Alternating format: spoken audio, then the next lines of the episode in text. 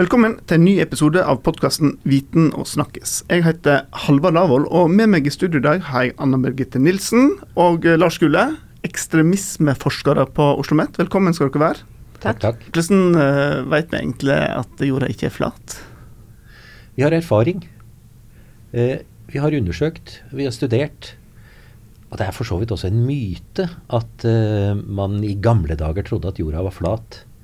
Eh, vi har lenge visst at jorda er rund. I faktisk mange tusen år har vi vært fullstendig klar over dette.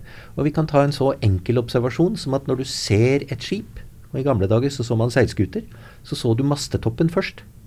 Og det viser jo jordkrumningen. Dessuten, i våre dager så har vi seilt rundt jorda. Vi har fotografert jorda fra verdensrommet.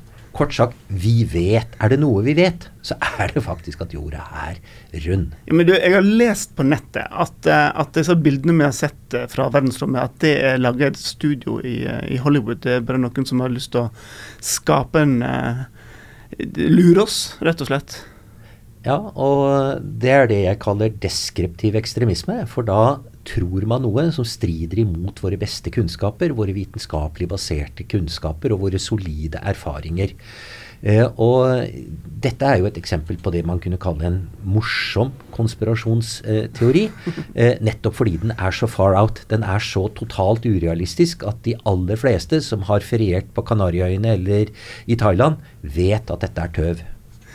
Okay, men du, kan vi se det um, skyene som kommer bak flyene, da? Altså, Hvordan kan vi vite at ikke det er noe sånn giftstoff som noen pøser ut for å chemtrails ja, som skal kontrollere befolkningen? Ja. Vel, fordi vi har gode vitenskapelige forklaringer på hvordan kondensstriper oppstår. Det er det ene, slik at vi faktisk kan forklare fenomenet uten å ty til uh, slike uh, påstander om at det spreies noe utover uh, kloden. Og det andre er at hvis dette skulle være en ondsinnet konspirasjon, så må den involvere tusenvis av mennesker. Alle pilotene i disse flyene må jo da sitte der og trykke på knappen på det rette tidspunkt osv. Det må være folk som laster disse kjemikaliene om bord i flyene. Og så skulle alle disse tusenvis av menneskene holde helt kjeft om dette.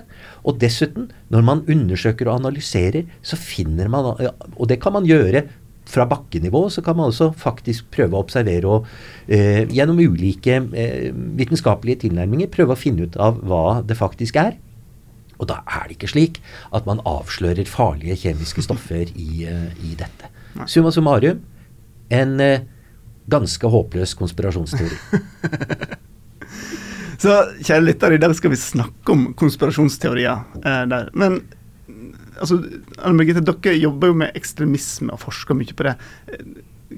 Hvorfor jobber dere med konspirasjonsteorier? Hva er, hva er sammenhengen her?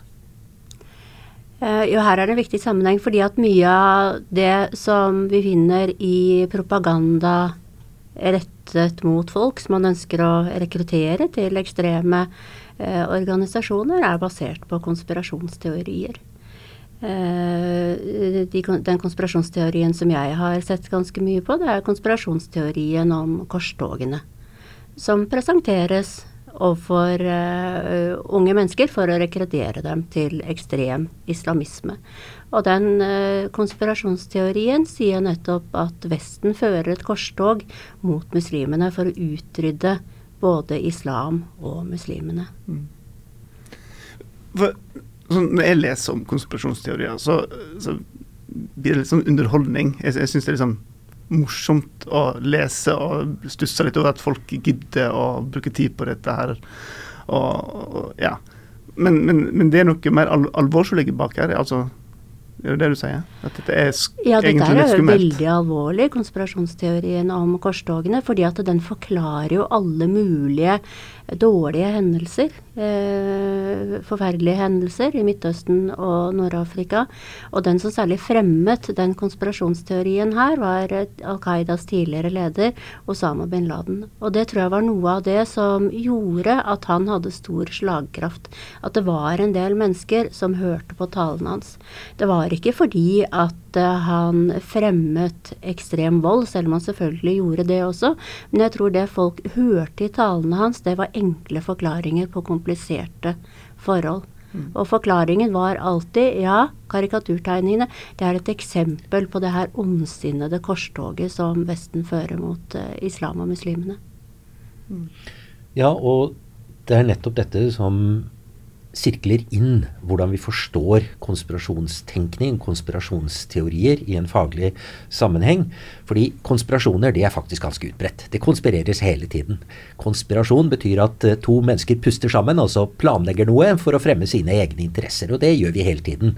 Men en konspirasjonsteori i faglig forstand, det handler om at sentrale og overordnede trekk i samfunnsutviklingen Eh, de eh, forklares nettopp ved at det er eh, myndigheter eller andre mektige grupper som nettopp konspirerer for å fremme sin egen og skjulte agenda, og ofte er den ondsinnet, eller i hvert fall hensynsløs. Og Dermed så får man slike påstander. og det er en enkel forklaring. Vesten er i krig med islam. Korstogene fortsetter fra middelalderen og fram til i dag. De har pågått hele tiden.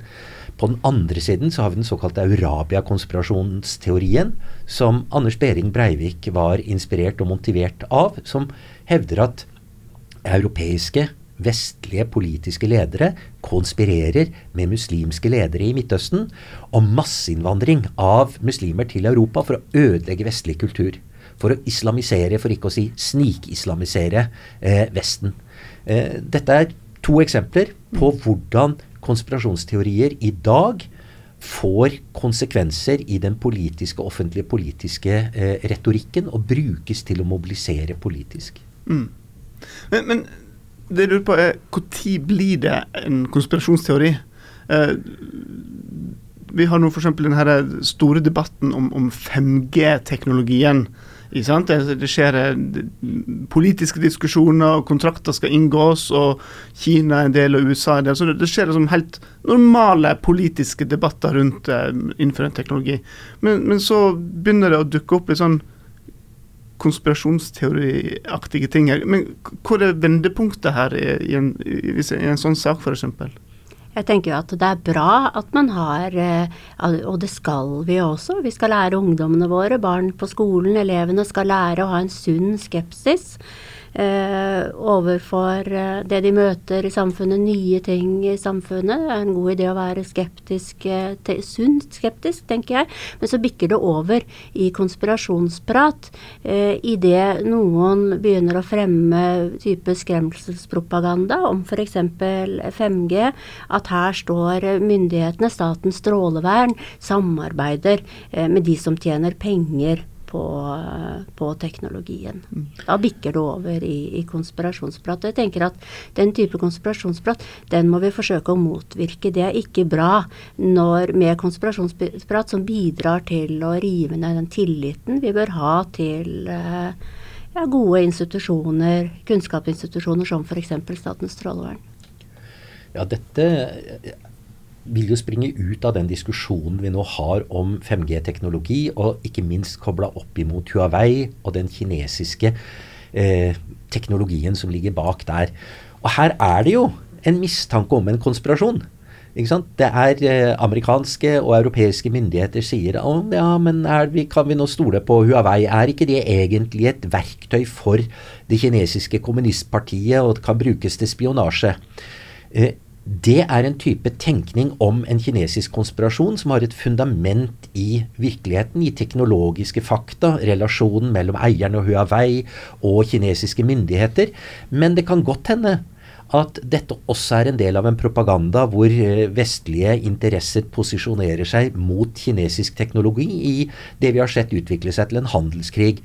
Men her er det da mulig å lete etter fakta. Når man glir over i en eh, overordnet og gjerne grandios konspirasjonsteori, så blir det umulig å etablere faktum. Og det er da et uhyre interessant eh, eh, aspekt ved konspirasjonsteorier. Når du ber om dokumentasjon, så sier man nei. Og det er fordi de er så dyktige til å holde det skjult. Slik at det at du ikke kan bevise at det er en konspirasjon, blir et bevis på at konspirasjonen fins. Eh, og dermed så blir dette en sånn selvimmuniserende eh, tenkemåte, i tillegg til å handle om grandiose utviklingstrekk ved, ved samfunnsutviklingen. Mm.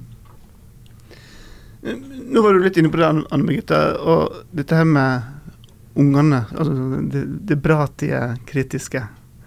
Eh, der. Og dette med konspirasjonsteori er blitt løfta fram som en sånn utfordring for lærere som, som møter eh, elever som har sett ting på YouTube. Og, altså Konspirasjonsteori er lett tilgjengelige.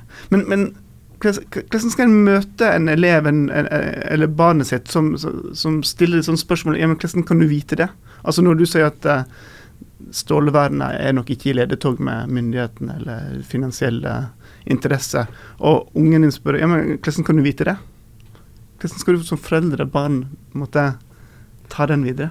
Ja, Det er jo ikke så lett. Da må vi jo forsøke å forklare barna hvordan eh, hvordan kunnskap, hvor kunnskap kommer fra, hvordan kunnskap eh, produseres, hvem som har kunnskap, og hvem som har kunnskap om akkurat det feltet, og hvem som kanskje ikke har like god kunnskap om det feltet. Jeg tenker at det er veldig viktig at læreren har eh, en god oversikt over hva som er pålitelige informasjonskilder. Men jeg tror noe av det som også gjør det ekstra vanskelig for læreren, er dette her som vi ser en litt tendens til eh, skepsis mot kunnskap, da. Og kanskje til og med en forakt mot kunnskap. At det er en tendens i samfunnet til eh, at eh, en god del mennesker tror at det jeg syns, eller det jeg finner på, det er like mye verdt som det folk som har studert stråling i startens strålevern i veldig mange år eh, så jeg tenker også at vi trenger å dyrke frem en, eh, en større ydmykhet for kunnskap, en større, mer respekt for kunnskap. Uh, og der ser vi også det dukker opp stadig nye medier også som bidrar til å bygge ned denne respekten for kunnskap. At det hvem som helst syns er like bra som kunnskap som bygger på lange forskningstradisjoner. Mm.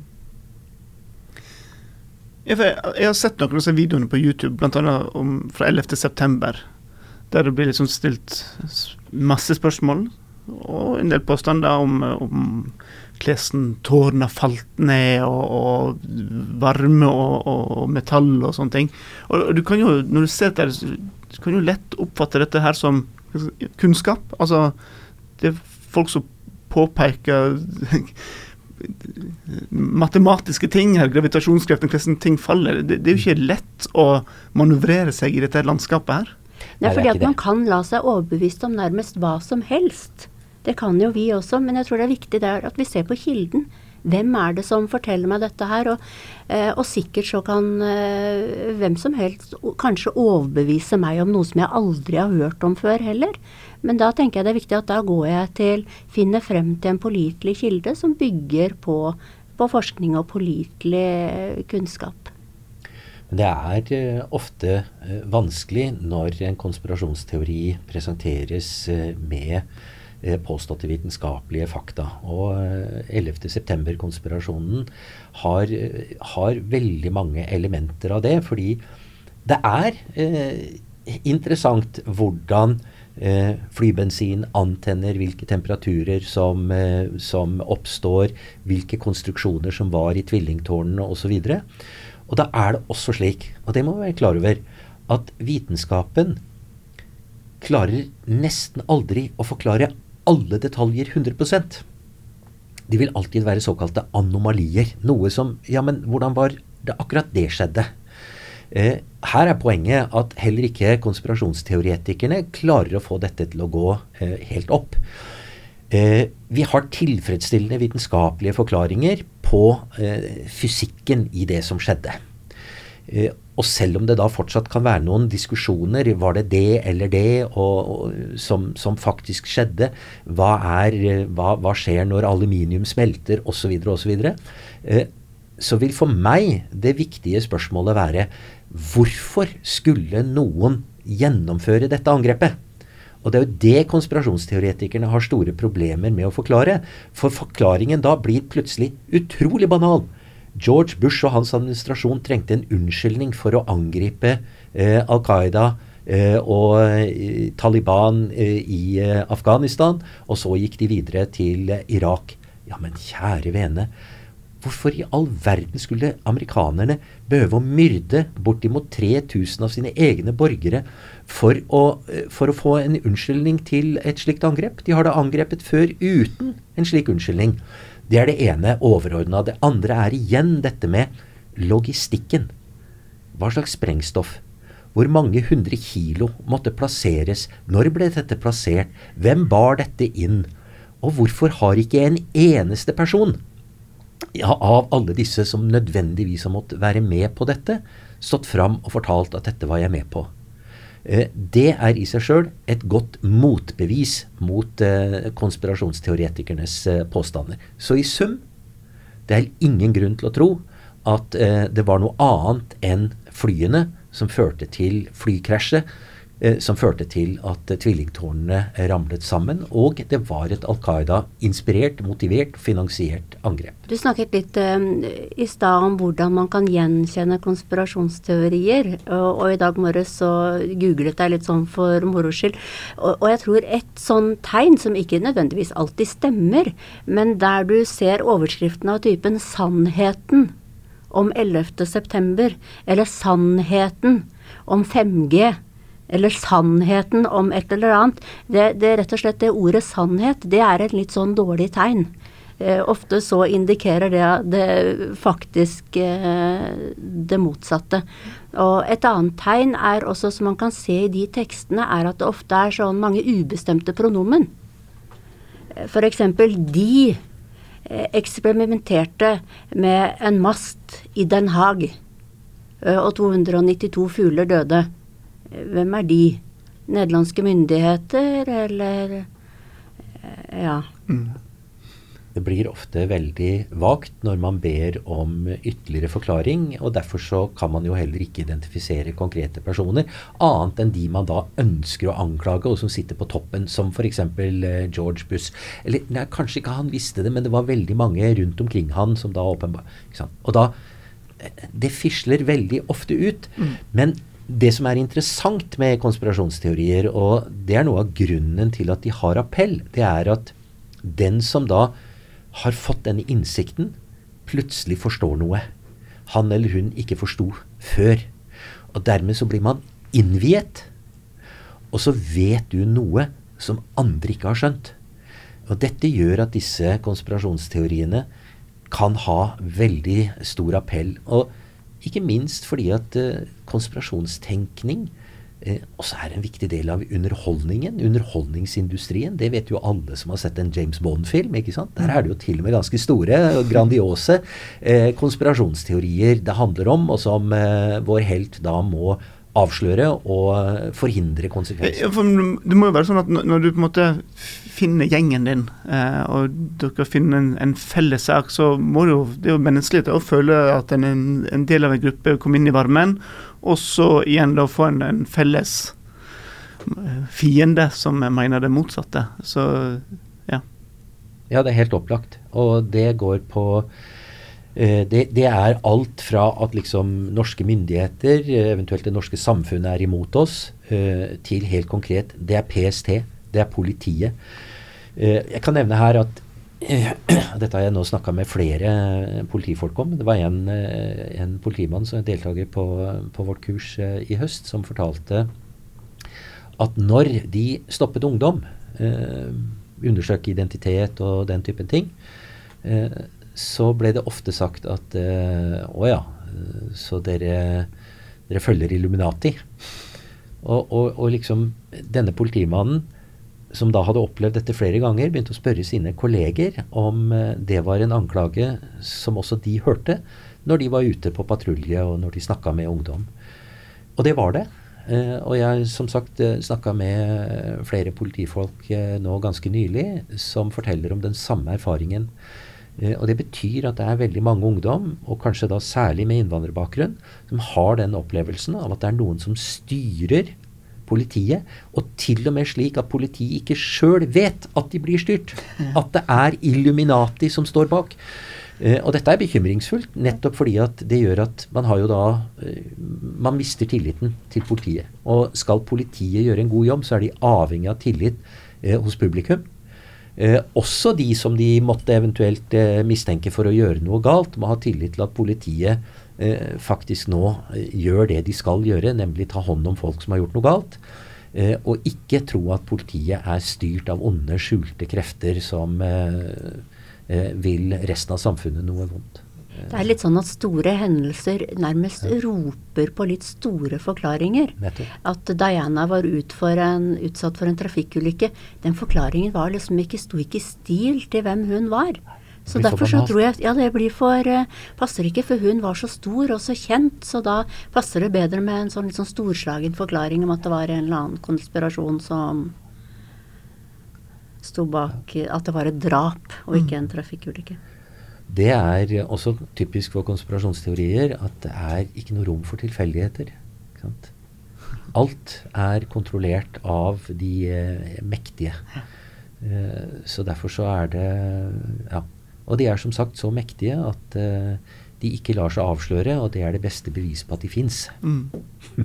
men, men, samtidig, jeg ser den der at de store hendelser krever liksom en forklaring. Men jeg blir jo fascinert av at en klarer å, å, å, hoste opp noen eh, konspirasjonsteorier rundt valg av hovedflyplass i Norge. Om den skulle ligge på Hurum eller Gardermoen. Og så, og så. Det, det, er jo ikke en så stor hendelse som at uh, Diana døde. Nei, men jeg tror den vekket store følelser hos folk. Det var mange som var følelsesmessig eh, engasjerte. Og jeg tror kanskje når det er sånn stort følelsesmessig engasjement, så roper også det litt på de litt store forklaringene, litt dram dramatikk. Ja, fordi eh, opplevelsen da å ha de aller beste argumentene på sin side, og så bli overkjørt, eh, da, er ikke, da, er jo ikke motstanderen eh, en rasjonell aktør, og da må det være ondsinnede hensikter som, eh, som, ligger bak. Og dette kan altså skaleres. Alt fra diskusjonen om en hovedflyplass eh, i Norge via eh, prinsesse Dianas død, og til da liksom Illuminati styrer eh, verden mot undergangen. Eh, og så tenker jeg også, så er det jo også alltid, som vi var litt inne på i stad også, at det er jo alltid noe sant i disse konspirasjonsteoriene. At de bygger gjerne på biter av sannhet, men så blir det man, måten man setter det her sammen på, til en konspirasjonsteori eh, som gjør det til usant. Det var jo f.eks. sant at det ikke var noe grunnlag for eh, den invasjonen av Irak. Det var jo sant at det var ingen forbindelse mellom Saddam Hussein og Osama bin Laden. Eh, det var ikke snakk om noe atomvåpen. Og så er det jo sant at Vesten har kolonialisert Midtøsten og Nord-Afrika. Det er sant at staten Israel ble opprettet på palestinernes eh, bekostning, men det betyr jo ikke at Vesten fører et korstog for å utrydde islam og muslimene. Men handler ikke dette mye om dere var inne på liksom vitens, vitenskap og, og forskning og, og så, hva som er sant. Men handler ikke dette litt om vår forståelse av sanning?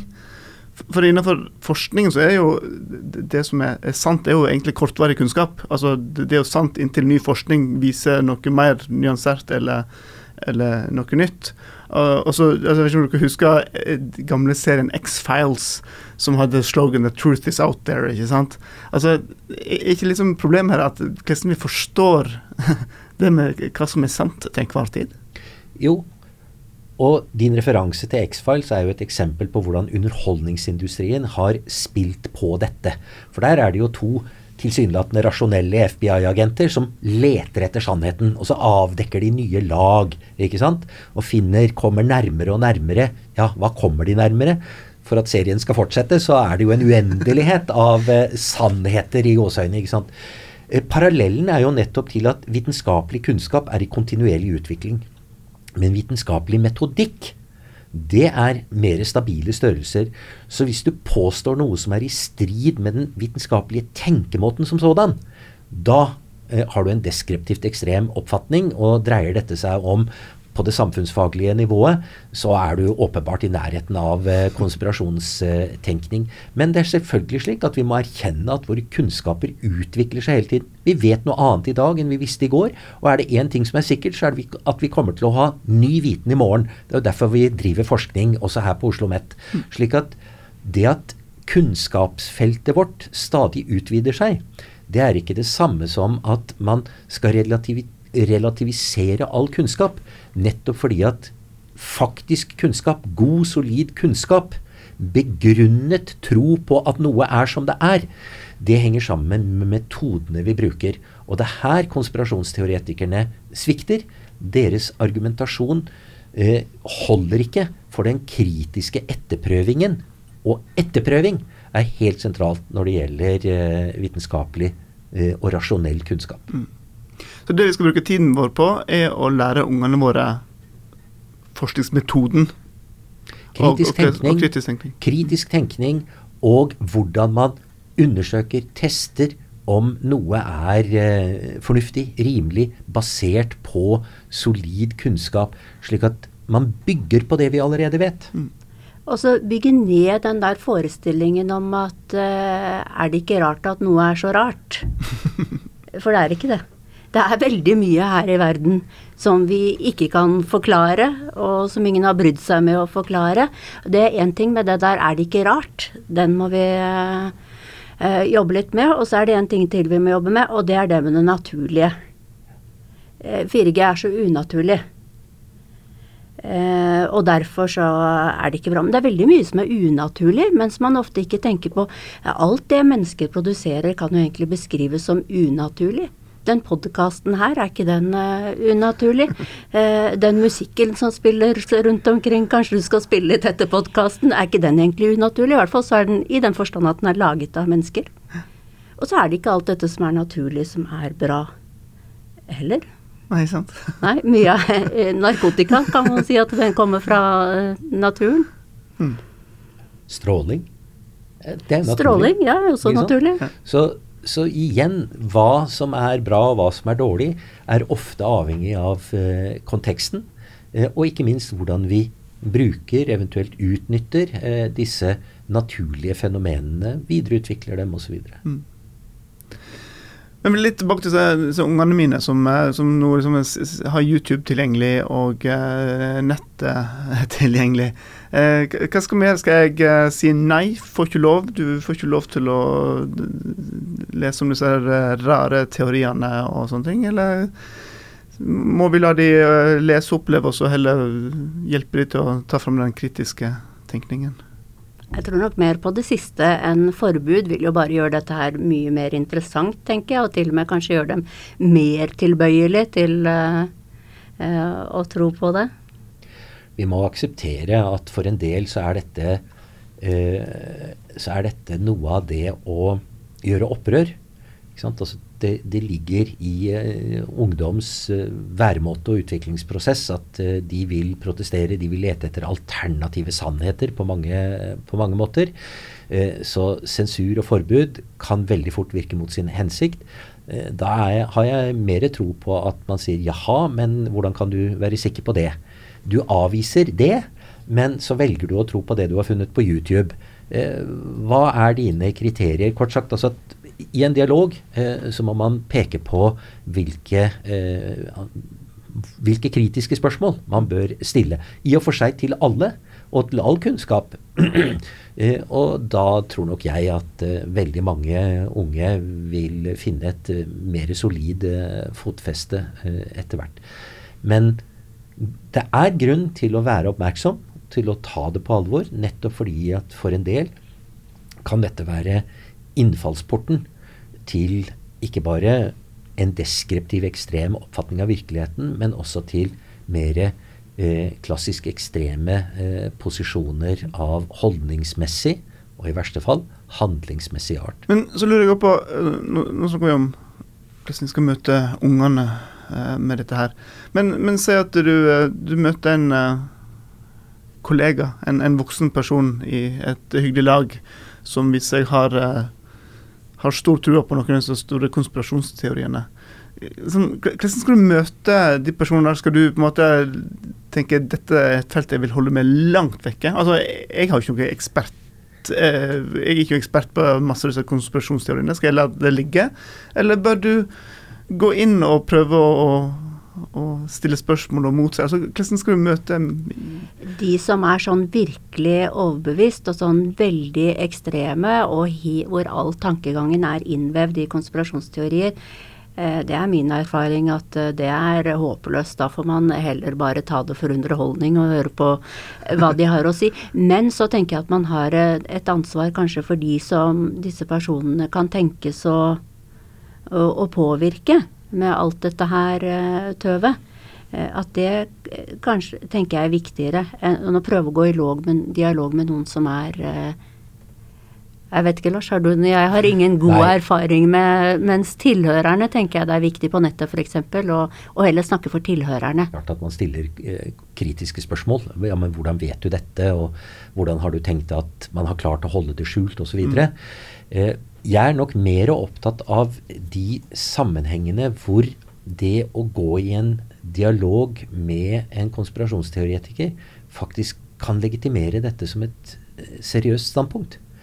Derfor så ville jeg eh, takke nei til å møte eh, hardbarka konspirasjonsteoretikere i en offentlig debatt eh, på et universitetsseminar eller i Dagsnytt 18. Fordi plutselig så har du da sagt at ja, men disse konspirasjonstankene her er jo like verdifulle som faglig funderte, solid etablerte eh, kunnskaper er. Og det er de ikke. Så, så er, her er det litt viktig å holde tunga rett i munnen. Det vil være ulike responser på ulike arenaer. I det private laget så kan man jo ta det som underholdning og le av det, eller man kan sette seg ned og diskutere på alvor, avhengig av hvor mange halvlitere man har drukket. Men, eh, men, i den offentlige samtalen så skal man rett og slett være forsiktig med å løfte disse eh, fram. Eh, fordi det kan legitimere disse konspirasjonsteoriene og være med på å gi dem ytterligere spredning. Men men kan ikke du blir legitimering andre veien òg? Hvis du nekter å møte de der, så kan de si at det, de, de, de, hadde ikke noen gode argument mot meg, så de, de tørte ikke å møte meg. Eh, de hadde ikke noe å fare med i denne saken her. Jo, vi kan godt uh, diskutere uh, konspirasjonsteoriene uten å ha en konspirasjonsteoretiker i studio. Det er fullt mulig. Det er mange, mange fenomener vi diskuterer uten å ha de som har de eh, mest fjollete oppfatningene, uh, som en del av den direkte uh, samtalen. Og det er viktig at vi diskuterer konspirasjonsteorier. Det er derfor vi har dette med i vårt kurs. Det er derfor vi har dyktige forelesere som presenterer dette for kursdeltakerne på, på vårt kurs.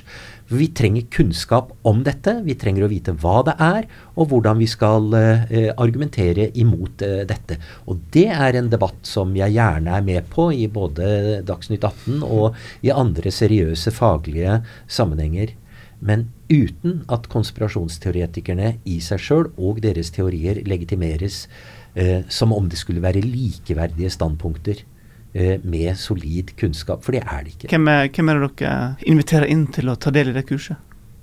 Ja, formelle kravet er at man uh, har uh, en profesjonsutdanning eller uh, en, en, bachelor.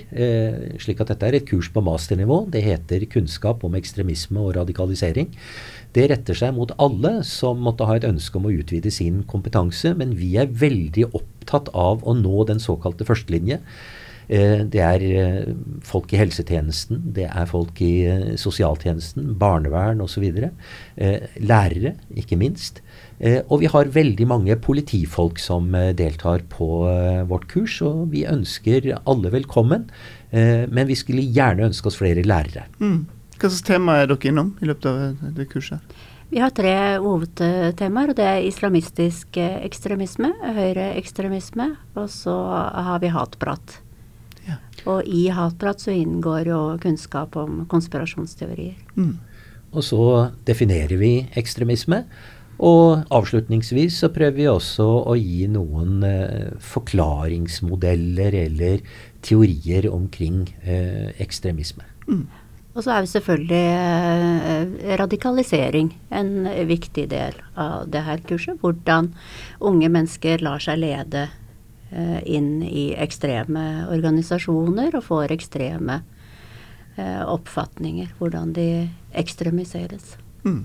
Og her bygger vi på oppdatert uh, kunnskap selv, så jeg er med på et stort europeisk forskningsprosjekt hvor vi studerer radikalisering på nettet. Hvor vi er interessert i å finne noen flere svar på hvordan ungdom blir høyreekstreme og ekstreme islamister på nettet. Hvilken rolle nettet spiller i radikaliseringsprosessen. Mm. Så hvis du som hører på er interessert uh, i, dette kurset, så kommer vi til å lenke opp til det i, på sidene til podkasten, så kan du lære mer om det, eller bare google ekstremisme og Oslo så, så finner du dere lett fram. Ja, og vi har også en Facebook-side hvor ja. vi legger ut eh, relevante informasjoner, og også eh, til artikler og andre møter og aktiviteter som kan være av interesse for folk som er opptatt av eh, ekstremismetematikken. Anne Birgitta Nilsen og Lars Gule, tusen takk for at dere eh, kom i studio og, og, og snakket om konspirasjonsteorier. Eh, og er vi sikre på at dere ikke er en del av noe Illuminati Bildeberger betalt? Dere er trygge? Nå har publikum noe å lure på.